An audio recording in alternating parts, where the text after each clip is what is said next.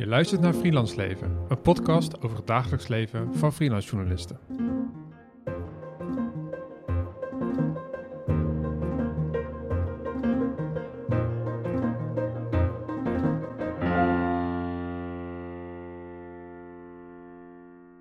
Je luistert naar Freelance Leven, een podcast over het dagelijks leven van freelance journalisten. Mijn naam is Sanne Poot, ik ben freelance journalist en bij deze podcast gevraagd door promotieonderzoeker Erwin van het Hof. Vandaag zijn we op bezoek bij Menno. Geen onbekende van deze show. Nee, uh, Menno van der Bos is, uh, zoals ze dat noemen, een van de OG's van deze podcast. Uh, ik ben ooit samen met Menno deze podcast begonnen. Dus trouwe luisteraars die, die herkennen hem van de eerste paar afleveringen. En het zal dan ook die luisteraars niet ontgaan zijn dat na een aantal afleveringen Menno niet meer aanwezig was in de podcast. En dat is de aanleiding waarom wij hier nu zitten. Uh, en heel in het kort, Menno kreeg een hersenschudding. Ja. en werd daardoor ziek. Ja, of eigenlijk ja, de hersenschudding was de, de ziekte of de aandoening inderdaad. Ja. En toen um, hebben we het nog uh, één of twee afleveringen volgens mij geprobeerd. Ja, ik ben een keer op ehm, afstand ook bij geweest. Ja, omdat precies. Het ja. En toen dacht ik nog dat ik snel zou kunnen terugkeren. Maar dat bleek toen te optimistisch ingeschat. Uiteindelijk um, ja, was het voor jou ook geen doel meer dat ik vaak niet wist of ik... Uh, ja, me goed genoeg voelde om uh, te werken en dus ook een podcast op te nemen of niet. En uh, nou, in goed overleg ben je toen op zoek gegaan naar een nieuwe Menno. En dat is Sanne geworden. En nou, dat gaat super goed volgens mij. Um, maar nu ben ik weer aan het werk. En um, nou ja, we hadden het erover dat het ons tof leek om het ja, te hebben over ja, hoe het is om als freelancer uh, ziek te zijn. Ja, want uh, een rode draad in de podcast tot nu toe is, is dat, dat, het leven van de freelancer redelijk precair is. Je verdient meestal weinig, je hebt eh, weinig sociale zekerheden, uh, de arbeidsomstandigheden zijn meestal slecht. Naar alle maatstaven die ik kan bedenken. Mm -hmm. En um, jij bent daar natuurlijk keihard mee geconfronteerd op het moment dat jij echt arbeidsongeschikt werd door die hersenschudding. En ik denk dat, dat jouw verhaal, wat ik trouwens heel dapper vind, dat je dat zo in het openbaar zo wilt delen, dat jouw verhaal uh, heel exemplarisch kan zijn voor heel veel freelancers die misschien ziek zijn geweest of die een kwetsbaar moment hebben gehad. En dan niet alleen vanuit het idee dat jij een slachtoffer bent, want je kon natuurlijk niks aan doen. Uh, iets mhm. overkomt je en dan ben je arbeidsongeschikt even. Vooral ook hoe je daarmee omgaat en hoe je daar ook dan weer uitkomt. Ja. En uh, ja, San en ik zouden je nu vooral zonder enige onderbouwing van een wetenschappelijk paper, wat we normaal gesproken doen, vooral gewoon de, de vloer willen geven. Om jouw ervaringen te delen met hoe het was om als freelancer um, even niet te kunnen werken. Ja, um, nou ja, misschien goed om te beginnen bij het begin. Ik kreeg een uh, tik tegen mijn hoofd um, tijdens een bezichtiging van een appartement hier in Utrecht, waar we nu ook zitten, waar ik uiteindelijk een, een huis heb gevonden. Ik liep een trapje op naar een vliering en um, nou ja, de, het trapgat begon eerder dan ik dacht, om het zo maar te zeggen. Uh, en daar botste ik met de bovenkant van mijn hoofd tegenaan. En ja, deed pijn, maar verder dacht ik er niet zoveel van. Ik ging niet knock-out. Um, het bleef geen uren hangen, de pijn. Uh, het enige wat ik merkte is dat ik daarna bij een vriend ging eten en hem tot drie keer toe die avond vertelde dat ik mijn hoofd had gestoten. Dus dat is natuurlijk wel vreemd. dat, uh, dat was wel een signaal dat er iets aan de hand was. In de dagen daarna had ik last van uh, misselijkheid. Ik werd misselijk wakker. Ik had hoofdpijn. ik voelde me niet helemaal mezelf. en vanaf dat moment heeft het heel lang geduurd totdat ik weer um, min of meer mezelf voelde. Uh, dit was allemaal in maart vorig jaar. Dus dat is ja, maand of veertien, ja, maand of veertien geleden. Um, en het is een hele gekke slingerweg geweest naar herstel. De eerste paar weken bleef ik doorgaan, zoals heel veel mensen met een hersenschudding doen. Um, omdat uh, het nogal wisselt hoeveel last je ervan hebt. Het, uh, als je even rust hebt genomen, kun je een stuk beter voelen. Om vervolgens de man met de hamer tegen te komen, waardoor je weer helemaal voor pampus op de bank ligt en denkt: wat is er in godsnaam met me aan de hand? Uh, dus veel mensen zetten in die eerste weken door. Dat heb ik ook gedaan. Op een gegeven moment heb ik wel een stapje teruggenomen. De dokter zei ook: Nou ja, je hebt een zware hersenschudding. Uh, doe even rustig aan. Um, uh, zet een zonnebril op buiten. Doe oordop in als je last hebt van het geluid. dat waren geen goede adviezen, maar daar kom ik uh, later nog wel op terug. Um, en um, nou, ik schakelde terug met werk en ik schakelde ook mijn broodfonds in. Ik ben super blij dat ik daarbij zit. Daardoor kon ik een deel van de gederfde inkomsten opvangen. Daar zal ik straks ook nog even iets over vertellen, want dan wil ik wel even een lofzang ophouden op dat broodfonds. Maar in ieder geval, ik ging minder werken. Um, en uiteindelijk liep ook dat helemaal niet lekker. Ik bleef te maken hebben met, uh, met de symptomen van mijn hersenschudding. Um, met name hoofdpijn en misselijkheid bij mij. Uh, bij andere mensen zijn het uh, andere dingen soms. Maar dit zijn twee van de belangrijkste symptomen. En toen heb ik besloten om, om even helemaal te stoppen. En um, ik ging bij mijn broodfonds van een schenkingsniveau van 50% naar 75% naar 100%. Um, wat betekende dat ik uiteindelijk een uitkering kreeg waarvan ik nou, kon leven. Niet ruim, maar wel net. En toen heb ik nou een maand of drie, vier echt niks gedaan. Misschien wel vijf maanden. De tijdlijn is een beetje een chaos in mijn hoofd. Om vervolgens weer langzaam op te bouwen met behulp van een ergotherapeut. Dat is een soort revalidatietherapeut die um, jou gaat helpen om stapje voor stapje weer te gaan doen wat je wil doen of wat je vroeger deed.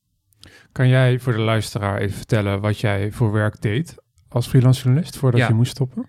Um, ik schrijf en schreef uh, voor uh, NRC en Vrij Nederland met name. En ik doe daar tussendoor allerlei andere klussen. Toen ik mijn hersenschudding kreeg, maakte ik dus deze podcast samen met jou. Um, we hadden hem samen opgestart, uh, bedacht hoe we, wat voor formule we eraan wilden geven. Ik was daar heel blij mee, heel enthousiast over. Het was iets nieuws. Um, en ja, eerlijk gezegd, dat was ook echt een van de lastigste dingen, vond ik. Dat ik ermee moest stoppen. Het is ook het laatste wat ik uit handen liet vallen uiteindelijk. Um, omdat het mij heel veel bracht. En uh, ja, het voelde een beetje als ons kindje samen, zeg maar. Ook al was jij hè, de eerste die met het idee kwam.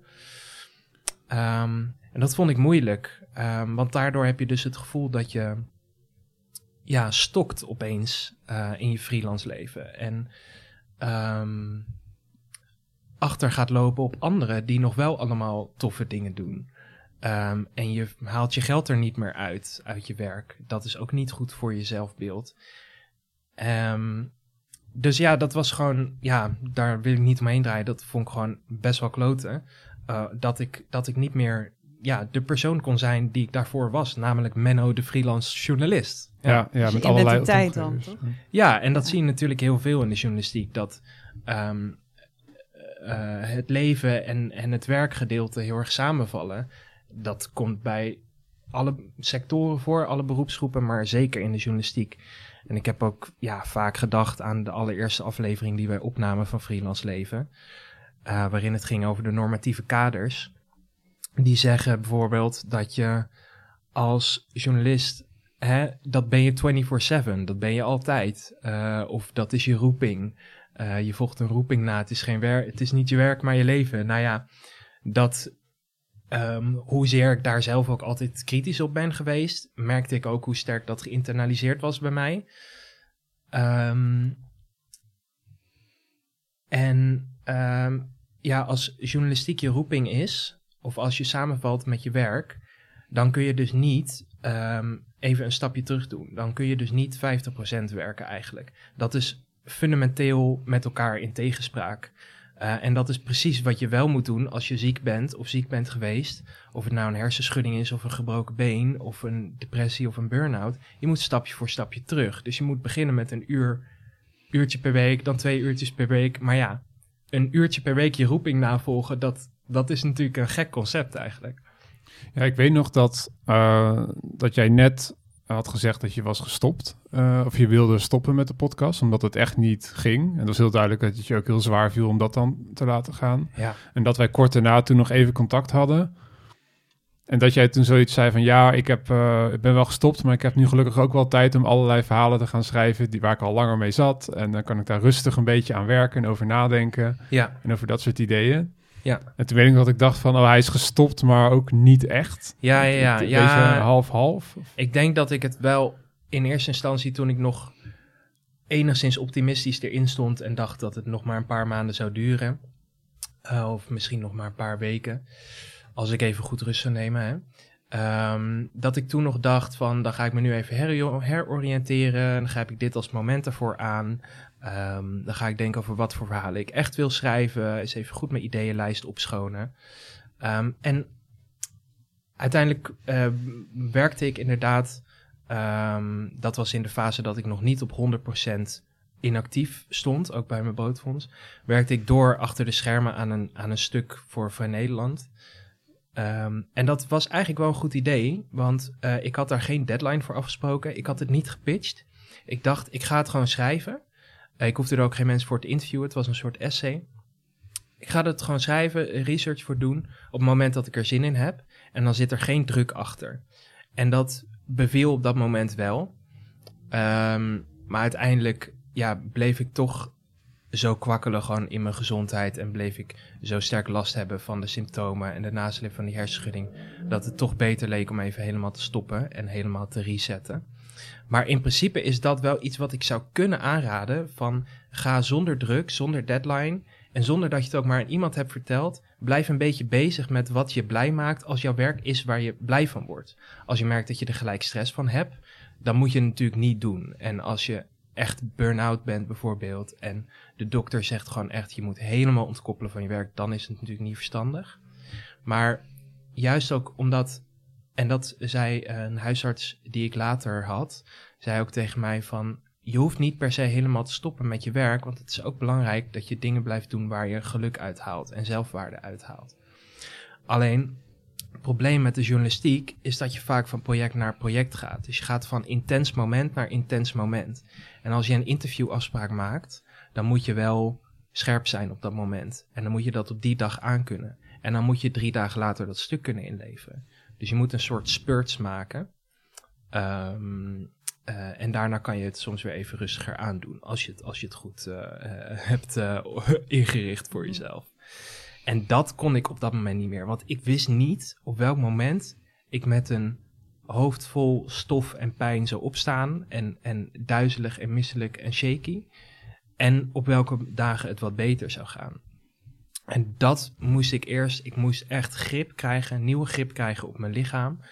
Um, uh, en grotendeels die symptomen van mezelf afschudden. Voordat ik echt weer terug kon keren. En dat is, nou ja, pas een half jaar of zo na die klap is dat traject pas echt goed gestart. Of ik denk een maand of vijf. Samen met de ergotherapeut. Op het moment dat ik echt niet meer werkte. En samen met hem ben ik toen hè, van letterlijk een half uurtje per week um, naar uiteindelijk, um, nou ja, min of meer mijn oude niveau. Waar ik nog steeds niet op zit. Maar in ieder geval daar in de buurt van gekomen. Ja. Ja, pittig. Ik weet ook nog dat Erwin uh, mij een berichtje stuurde van uh, ik zoek iemand uh, voor de podcast. Misschien mm -hmm. voor één keer, ik weet het niet. Dus ja. ik heb in het begin ook nog wel een soort van gedacht, oh ongemakkelijk, moeten we dat niet benoemen in de aflevering? En toen was het zo eigenlijk ergens ook nog de hoop van, misschien ben je de volgende aflevering wel weer fit genoeg ja. en lukt het allemaal wel weer. Ja. nou ja, dat was helaas voor jou niet zo. Mm -hmm.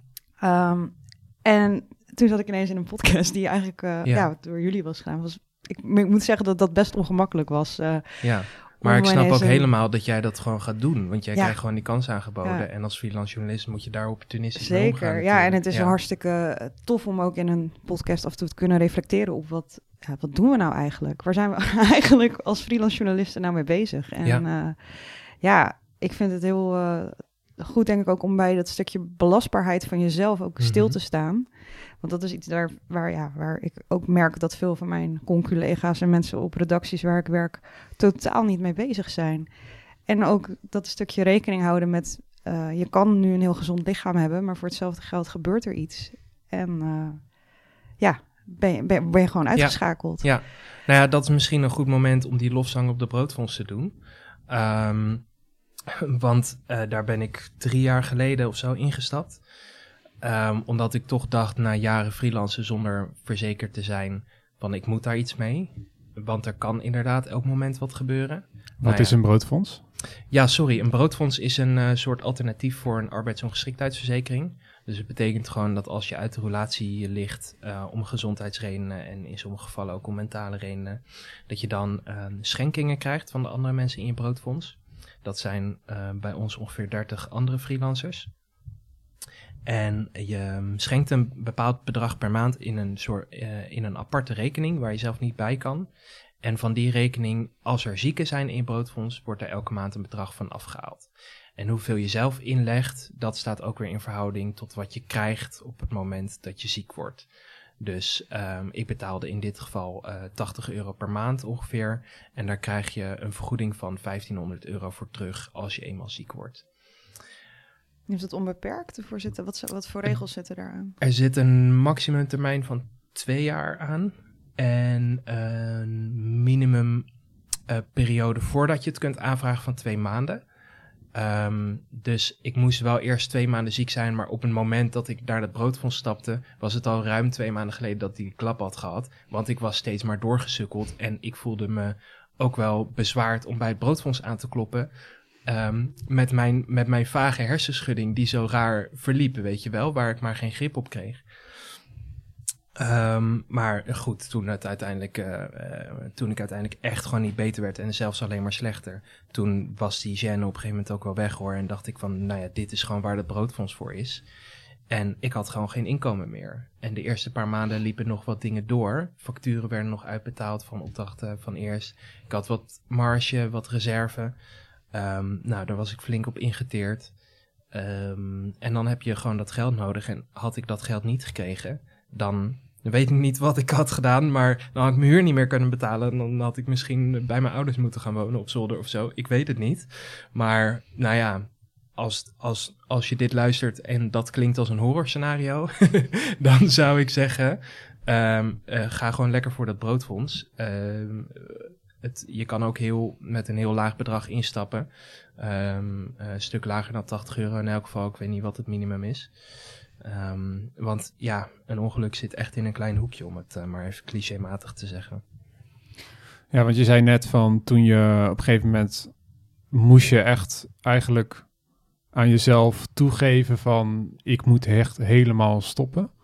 Hoe was die eerste periode dat je toen helemaal niet werkte? Um, ik vind het soms lastig om me te herinneren hoe ik me op welk moment precies voelde. Het is een heel blurry jaar geweest wat dat betreft. Ik ben ook zelf nog dingen op een rijtje aan het zetten. Maar volgens mij voelde het in eerste instantie wel als een opluchting. Um, dat ik even alles, alles van me af kon gooien. Maar het stortte me ook in een nieuwe onzekerheid. Um, want het probleem met hersenschuddingen en een paar soortgelijke aandoeningen is dat je niet weet hoe lang het duurt. Um, en er gaan ook best wel veel horrorverhalen over rond. Met mensen die daar al jaren mee worstelen en er maar niet uitkomen. Ook in de media best wel veel. Um, dat is ook wel iets om mee op te passen, denk ik. Dus um, ja, wanneer ik weer uh, aan het werk zou kunnen of uh, weer uh, naar feestjes zou kunnen zonder me zorgen te maken dat ik de volgende dag helemaal brak zou zijn en dan niet van de alcohol, um, dat wist ik niet. En als je een gebroken been hebt, om die metafoor maar weer te gebruiken, dan heb je een traject. Uh, de dokter zegt van, nou ja, zes tot acht weken nog in het gips, of misschien iets langer, ik heb nooit een gebroken been gehad, dan ben je klaar. En dan weet je, oké, dat kan ik tegen mijn opdrachtgevers zeggen, dat kan ik eh, voor mezelf als stip op de horizon aanhouden. En dat is hierbij gewoon niet zo. En op een gegeven moment merkte ik dat het steeds beter ging onder begeleiding van uh, die ergotherapeut.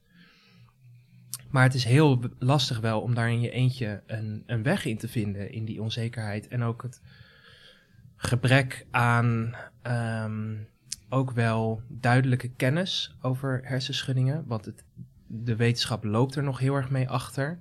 Um, heel veel me mensen hebben er op heel veel verschillende manieren last van. Bij iedereen treedt het op andere manieren op. En je kan dus ook geen prognose geven van hoe lang het duurt. Um, en ik moet eigenlijk zeggen, niet hersenschudding, maar postcommotioneel syndroom. Wat eigenlijk betekent aanhoudende hersenschuddingsklachten. Um, zo heet het officieel, PCS. Ehm, dus dat vond ik heel moeilijk. Ehm, die onzekerheid is paradoxaal genoeg ook de reden dat veel mensen heel lang van PCS last blijven houden.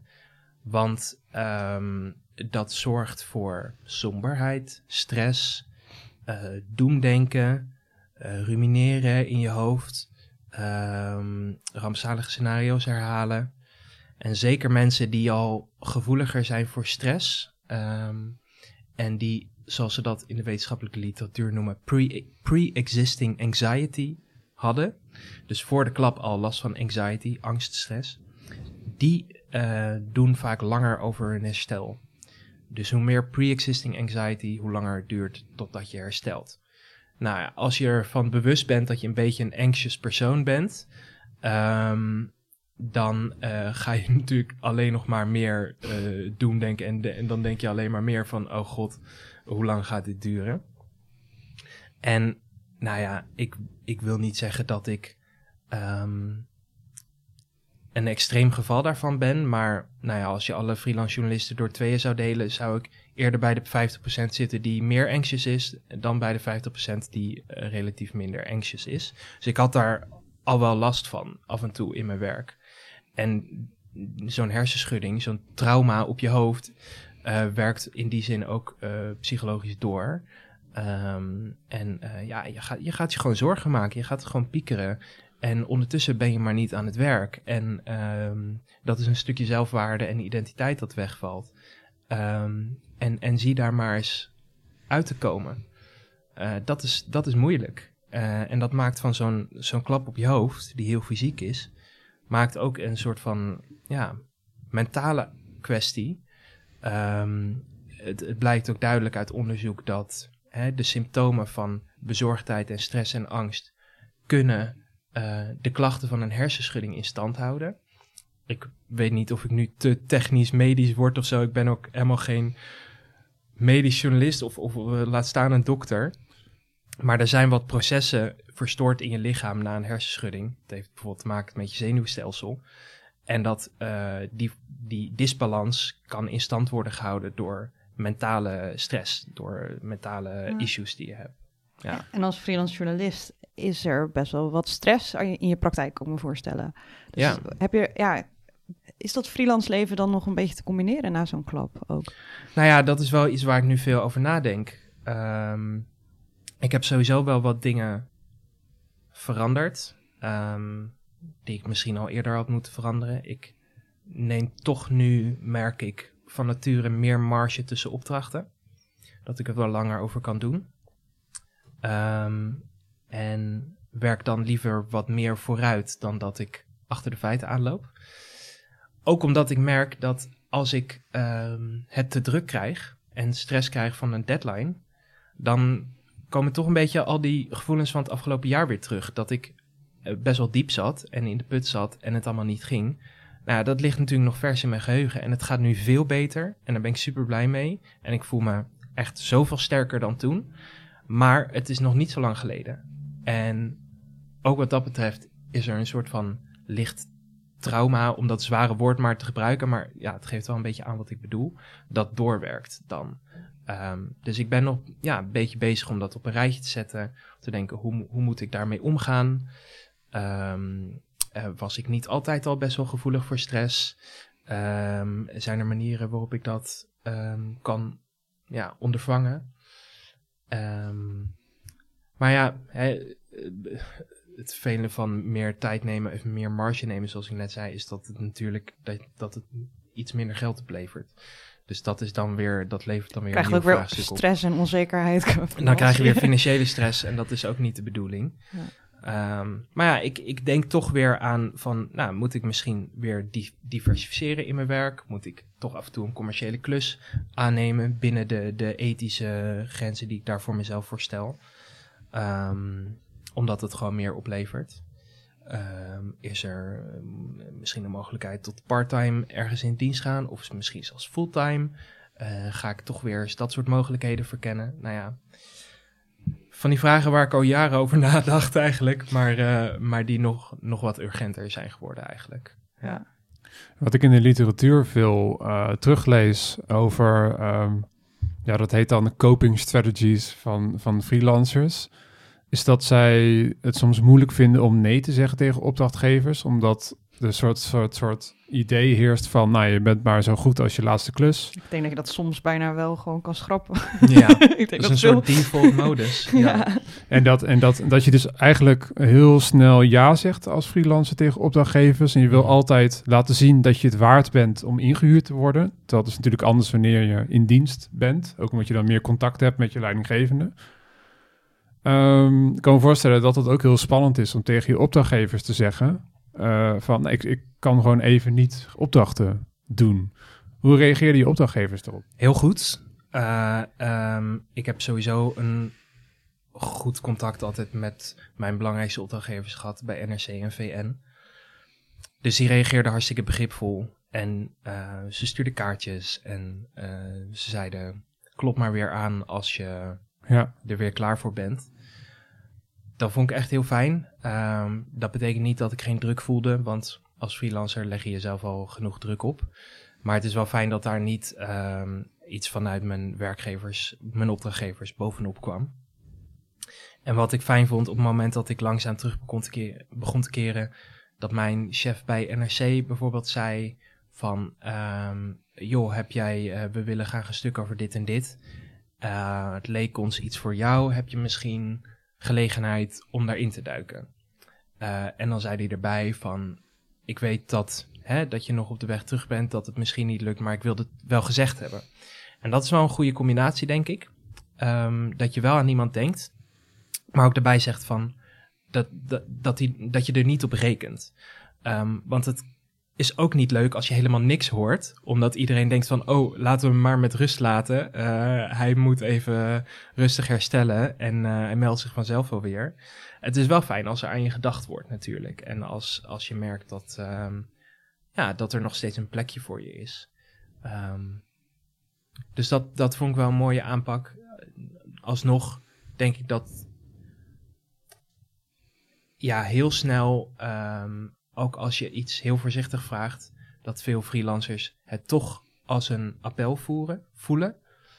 Dus alsnog zou ik daar wel als, als ik een opdrachtgever tips zou mogen geven, zeg maar, dan zou ik daar alsnog wel heel voorzichtig mee zijn. Liever iets te voorzichtig dan ehm, iets te veel iemand pushen, zou ik zeggen. Heb je in de afgelopen tijd alweer ja gezegd op klussen waarvan je achteraf dacht, oh shit, dat had ik eigenlijk niet moeten doen?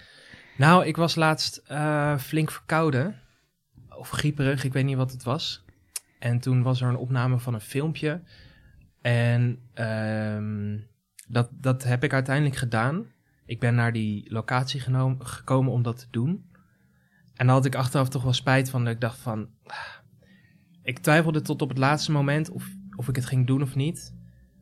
Ik deed het en ik kreeg er een beetje spijt van, omdat ik daardoor langer in die verkoudheid bleef hangen. Dus dat was een beetje op microschaal wat ik mee had gemaakt met die hersenschudding. En ik dacht, nee, ik moet even goed uitzieken. Dat was eh, nog tot vorige week. We zouden eigenlijk deze aflevering ook vrijdag opnemen. Toen heb ik gezegd van, jongens, kunnen jullie ook eh, eh, een weekje later? Ja. Nou, dat kon gelukkig. En ook dat vond ik weer super moeilijk, weet je wel. Dat je denkt van, ja, zo stom. Het was helemaal geen probleem voor jullie. Waar maak ik me nou eigenlijk druk over? Ehm, maar ik was wel blij dat ik dat deed. Dat ik dus zei van, joh, laten we het, eh, laten we het even uitstellen. Want ik voel me nog niet zo lekker. klinkt wel echt Dus, als eh, groei dit, trouwens. Dat, ja, dat je je grenzen zo aan... growth. eh, Ja, ja. ja. En ik merk dat ik... Ik ben echt niet, ehm, eh, wat dat betreft, een nieuw mens geworden. Doordat ik allemaal, allemaal diepzinnige lessen heb geleerd uit, uit het afgelopen jaar. Maar hier en daar ehm, merk, merk ik wel dat ik wat, wat verstandiger keuzes maak. Ja, als je weet waar je grenzen zitten, dan kan je ze ook aangeven. Dat is ook Zeker, ja. Ja. En dat is, het, dat is het nu wel echt. Mijn grens is sneller bereikt nu. Ja. Ehm, ik, ik, ik, ik, ben gewoon, ik heb gewoon een sneller hoofdpijn nu, na, na een middagtype. Ik, heb, eh, ik ben sneller eh, misselijk van een nachtje onrustig slapen, omdat ik met een artikel in mijn hoofd zit. Die, die fysieke gevoeligheid, op een of andere manier werkt die door. En, en, en hoe dat werkt in je lichaam, het is een beetje mysterieus, want alle, alle kennis over hersenschuddingen wijst erop, ik heb echt geen hersenschade meer. Dat heeft zich allemaal wel hersteld. Hm. Maar je lichaam heeft zo lang nodig om weer te leren hoe het was hiervoor. Dus zo'n uh, shock gehad eigenlijk van zowel het fysieke proces dat hè, komt als je gewoon een klap op je kop krijgt en het psychische proces daarna van het herstellen en het tijdje niet werken. Dat duurt gewoon echt lang. En ik merk dat ik daar nog steeds op dagelijkse basis mee bezig ben. Dus ik moet ook nu bewuster uh, naar mijn keuzes kijken. En op een bepaalde manier is dat heel fijn, want hè, ik ben veel meer aan het reflecteren, waar, waar Timon uh, Raamaker het in de vorige aflevering over had. Ja, dus ja, Zeker geen blessing in disguise. Dat gaat veel te ver, want ik had liever... gewoon kut. ik had liever nooit Ja, dat is een beetje het, het corny feel good einde... wat mensen dan soms zoeken als ja, iemand herstelt. ja, uh, ik wil er niet een te, te rond mooi verhaal van maken... want het was gewoon moeilijk en ik heb uh, ermee geworsteld... en ik heb domme keuzes gemaakt soms. En het is gewoon... Uh, ja, het is gewoon hartstikke lastig. En... Um, maar uh, nou ja, er zit wel een silver lining aan, laat ik het dan zo zeggen.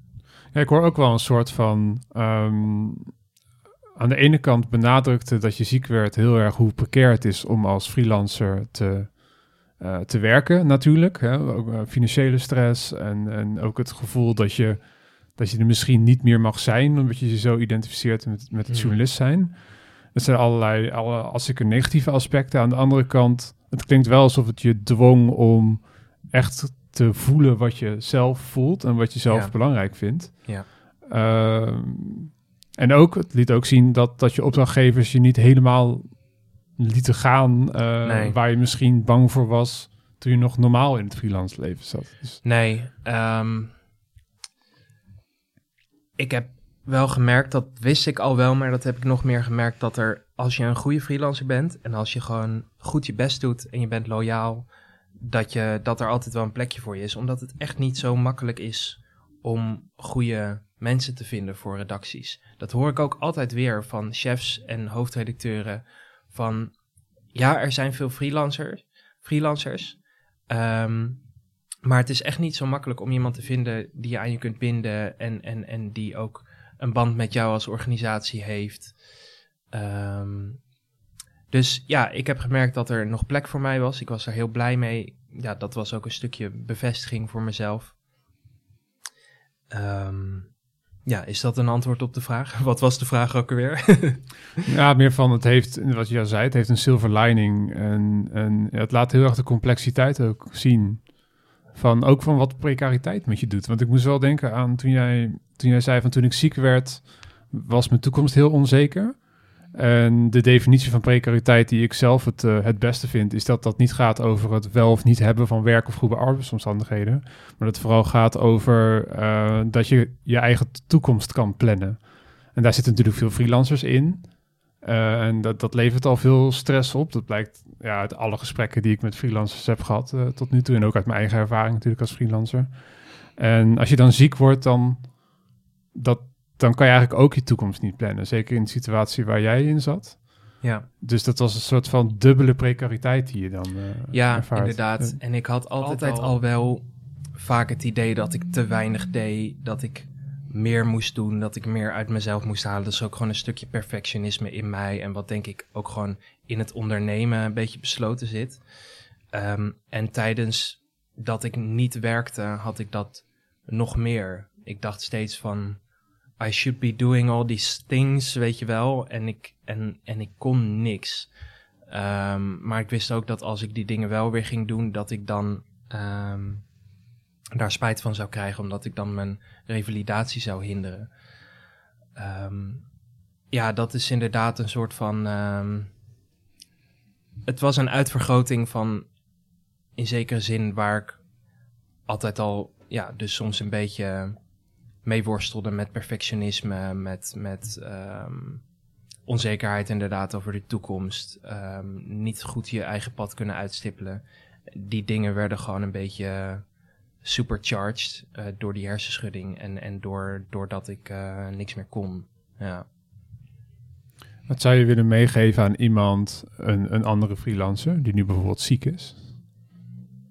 Um, dat het super belangrijk is om stapje voor stapje te gaan. Want ik ging dus in het begin als een pingpongbal heen en weer van ik deed een paar dagen niks en daarna voelde ik me weer oké en dan ging ik weer vol aan de slag uh, met een stuk en dan moest dat ook gewoon af. En dan stort ik vervolgens in en dan dacht ik, oh shit, ik ben nog helemaal nergens. Ik ben weer helemaal terug bij af. Nou, dat moet je dus niet hebben. Ehm, en het klinkt zo logisch, hè? En, en, en misschien zelfs makkelijk. Gewoon stapje voor stapje opbouwen. Steeds elke dag ietsje meer. Maar dat is super moeilijk als je daar geen begeleiding in, in krijgt. Want je gaat zo snel, je schiet zo snel door in zowel te weinig doen als te veel doen. Ehm, daar heb je echt een soort van uh, Sherpa bij nodig uh, die over je schouder heen kijkt. In mijn geval die ergotherapeut, maar dat kan ook een ander soort therapeut zijn of een bedrijfsarts uh, die, die ervaring heeft met, met hè, de specifieke aandoening waar je last van hebt. Um, in mijn geval, mijn ergotherapeut stelde met mij een puntenschema op, heel rigide. Zelfs tandenpoetsen kreeg dan bijvoorbeeld een kwart punt en um, Um, een wandeling maken van een half uur was twee punten, uh, om maar wat dingen te noemen. En dan mocht ik een maximaal aantal punten per dag. En dat, hè, dat verhoogden we steeds. En dan ook altijd weer een tussen, tussenpauze. En dan uh, ging het weer iets omhoog. En dan uh, weer even pas op de plaats. En dan ging het weer iets omhoog. Nou ja, dat zijn systemen waar mensen goed over hebben nagedacht. Die bedoeld zijn voor dit soort situaties. Um, en zonder dat is het echt heel moeilijk om het allemaal uit jezelf te halen en om daar als eenling je weg in te vinden. Dus dat zou ik tippen. Ik zou uiteraard tippen, maar dat is meer voordat je ziek wordt, om in een broodfonds te stappen of een arbeidsongeschiktheidsverzekering af te sluiten. Of heel veel te sparen. Dat kan natuurlijk ook, maar goed, dat is een beetje lastig met de huidige tarieven.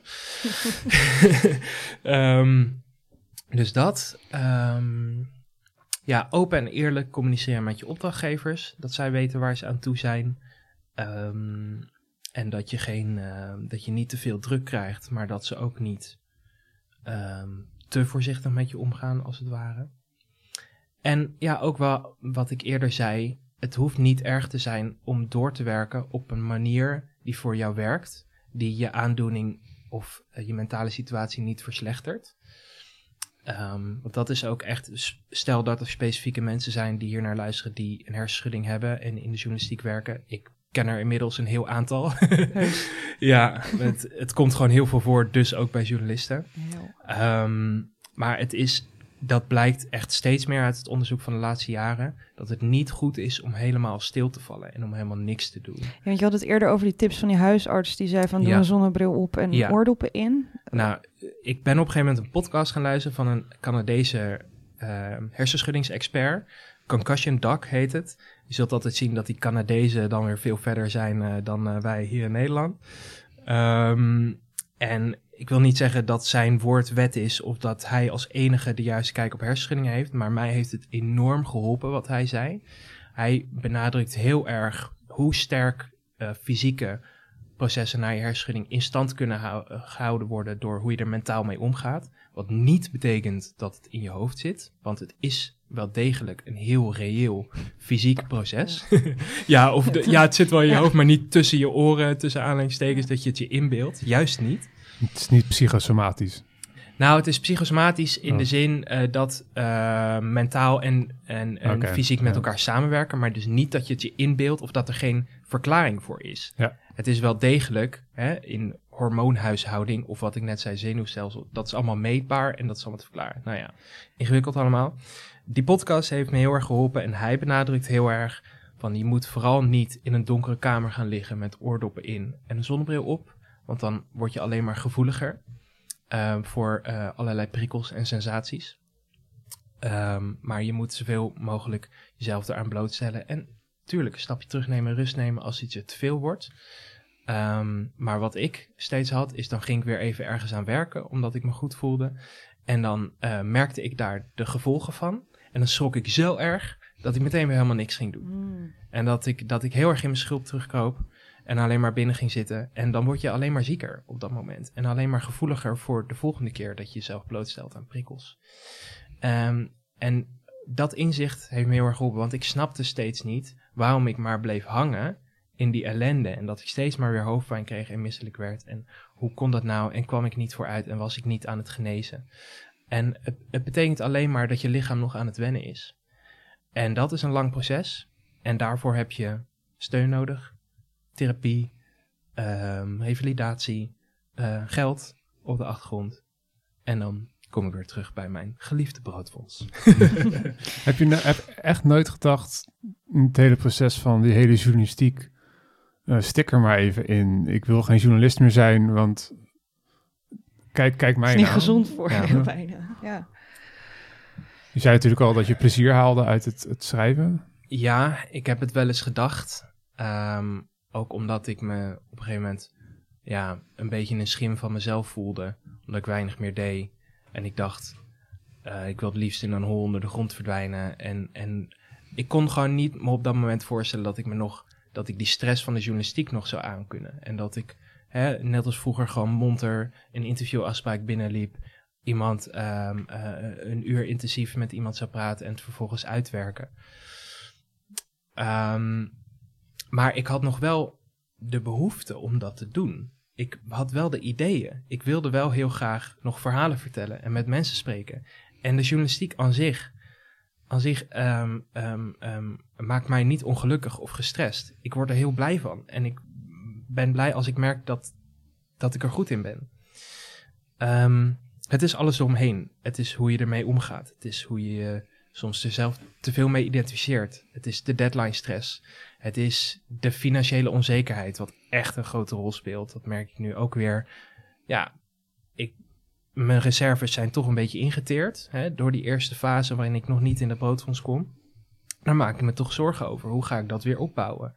Wat ga ik nu doen? En eh, het leven wordt alleen maar duurder. Huren worden duurder. Ik word ook wat ouder. Ik wil op een gegeven moment hoop ooit een huis te kopen of iets groter te gaan wonen of wat dan ook. Ik zit hier in een klein appartementje.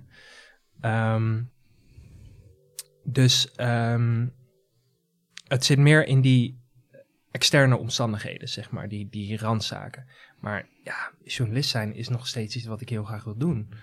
Ehm, en, en, waar ik juist blij van word. Dus nee, ik heb niet over, overwogen om ander werk te zoeken, want ik... Nee, ik zou, ik zou niet weten wat, eerlijk gezegd. Zo herkenbaar. ja, dat is echt Nou, opeens het is eh, een haat-liefde verhouding. Met, haringvisser te gaan worden ja. of zo, ja, dat, dat eh, zet ook geen zoden aan de dijk. Ja. Ik ben echt heel blij om te horen dat je wel eh, alweer stukken beter bent. Dat is echt... eh, Ja, ik ben er ook heel blij mee, want ik ehm, hield het op een gegeven moment ook niet voor mogelijk. Maar ja, het is echt een combinatie van een fijne ergotherapeut en een, eh, en een ja, gewoon één hele goede podcast vinden.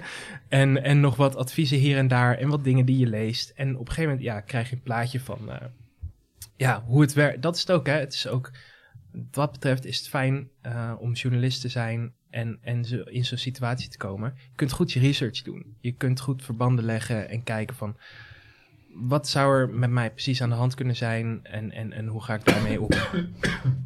Sorry. En, en dat betekent natuurlijk niet dat je. En, en, en bij de meeste dingen moet je gewoon op de dokter afgaan, natuurlijk. Maar bij een hersenschudding is het ook echt een deels een proces van hoe ga je er vervolgens mee om. En eh, wat is nu je plan? Want, want eh, je werkt gewoon weer. Ja. Wat, eh, hoe zie je nu de toekomst? Ehm ben ik heel veel over aan nadenken. Ehm, ik heb, eh, zoals ik zei, ik, ik ben er weer een beetje aan het kijken naar... kan ik een bepaald soort commerciële klus doen? Ehm, ik geef al af en toe hier en daar praatjes en presentaties over de thema's waar ik in mijn werk over schrijf. Ik heb net eh, mijn website vernieuwd, ehm, ook in de hoop dat dat misschien hè, wat dingen aanlevert. Niet dat ik niet genoeg werk heb, want ik zou hè, een dubbele werkweek kunnen vullen met alle journalistieke dingen die ik zou kunnen doen, maar echt puur om financiële redenen. Dus daar denk ik over na. Ehm, en superleuk, ik ga deze zomer drie maanden op de redactie, de mediaredactie van NRC zitten. Ehm, voor eh, drie à vier dagen per week. Dat is een beetje mijn ja, niveau nu wat ik aan kan. Om aan een reeks artikelen te werken. En dat is op uurbasis. Waar ik super blij mee ben. Want het Ja. is zoveel fijner dan dat woordtarief. Ja, Ehm, wat gewoon echt eh, ja, fnuikend is vaak. Ehm, want dan ga je toch dingen afraffelen of je gaat eh, onderwerpen opzoeken die je snel kunt uitschrijven. Ehm, dus op deze manier heb ik een soort steady inkomen in ieder geval voor die drie maanden. Wat voor iemand die in vaste dienst werkt zou voelen als juist heel onzeker. Maar voor mij al hè, een hele step up is van het normale precaire freelance leven. Dus ik vind het leuk om daar ook even aan, eh, aan te ruiken en kijken hoe dat gaat.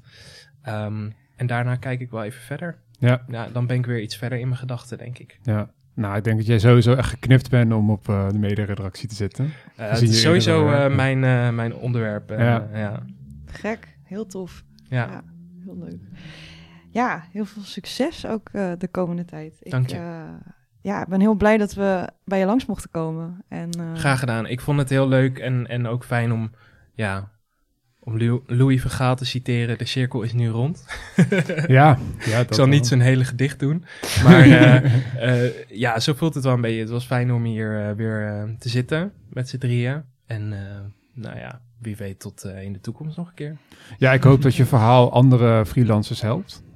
Ik hoop het ook. Dat het ook ja. herkenbaar is en, en het laat ook wel zien dat het oké okay is om je kwetsbaar op te stellen. En dat je dan meestal meer terugkrijgt dan wanneer je flink houdt. Ja, dat is, ja. dat is een kracht ook, die kwetsbaarheid. Ja. Zeker. Ja, eh, het is ook een, ook een balans. Hè. Soms moet je sterk zijn, soms kun je Mm. kwetsbaar zijn. Um, ja, kwetsbaar zijn kan ook sterk. Ja, dat ja, God, komen. ja. sowieso. Ja. En um, nou ja, als mensen een beetje in een vergelijkbare situatie zitten en, um, en ze willen meer, meer weten of zo, of ze hebben een vraag, dan uh, kunnen ze me sowieso benaderen via, via mijn nieuwe website. Wat is die? um, gewoon mijn naam en dan .nl. Menno van de Post.nl. Ja, en je bent ook vrij actief op Twitter. Hoe kunnen mensen je daar vinden? Ja, uh, Menno VD Bos. Ja. Nou, heel erg bedankt dat we langs mochten komen. Graag gedaan. Succes de komende tijd. Freelance Leven wordt mede mogelijk gemaakt door het Lira-fonds Reprorecht. Mijn promotieonderzoek, dat ten grondslag ligt aan deze podcast, wordt mogelijk gemaakt door Stichting Democratie en Media en het Stimuleringsfonds voor de Journalistiek. Wij zijn er volgende maand weer met een nieuwe aflevering. Tot dan!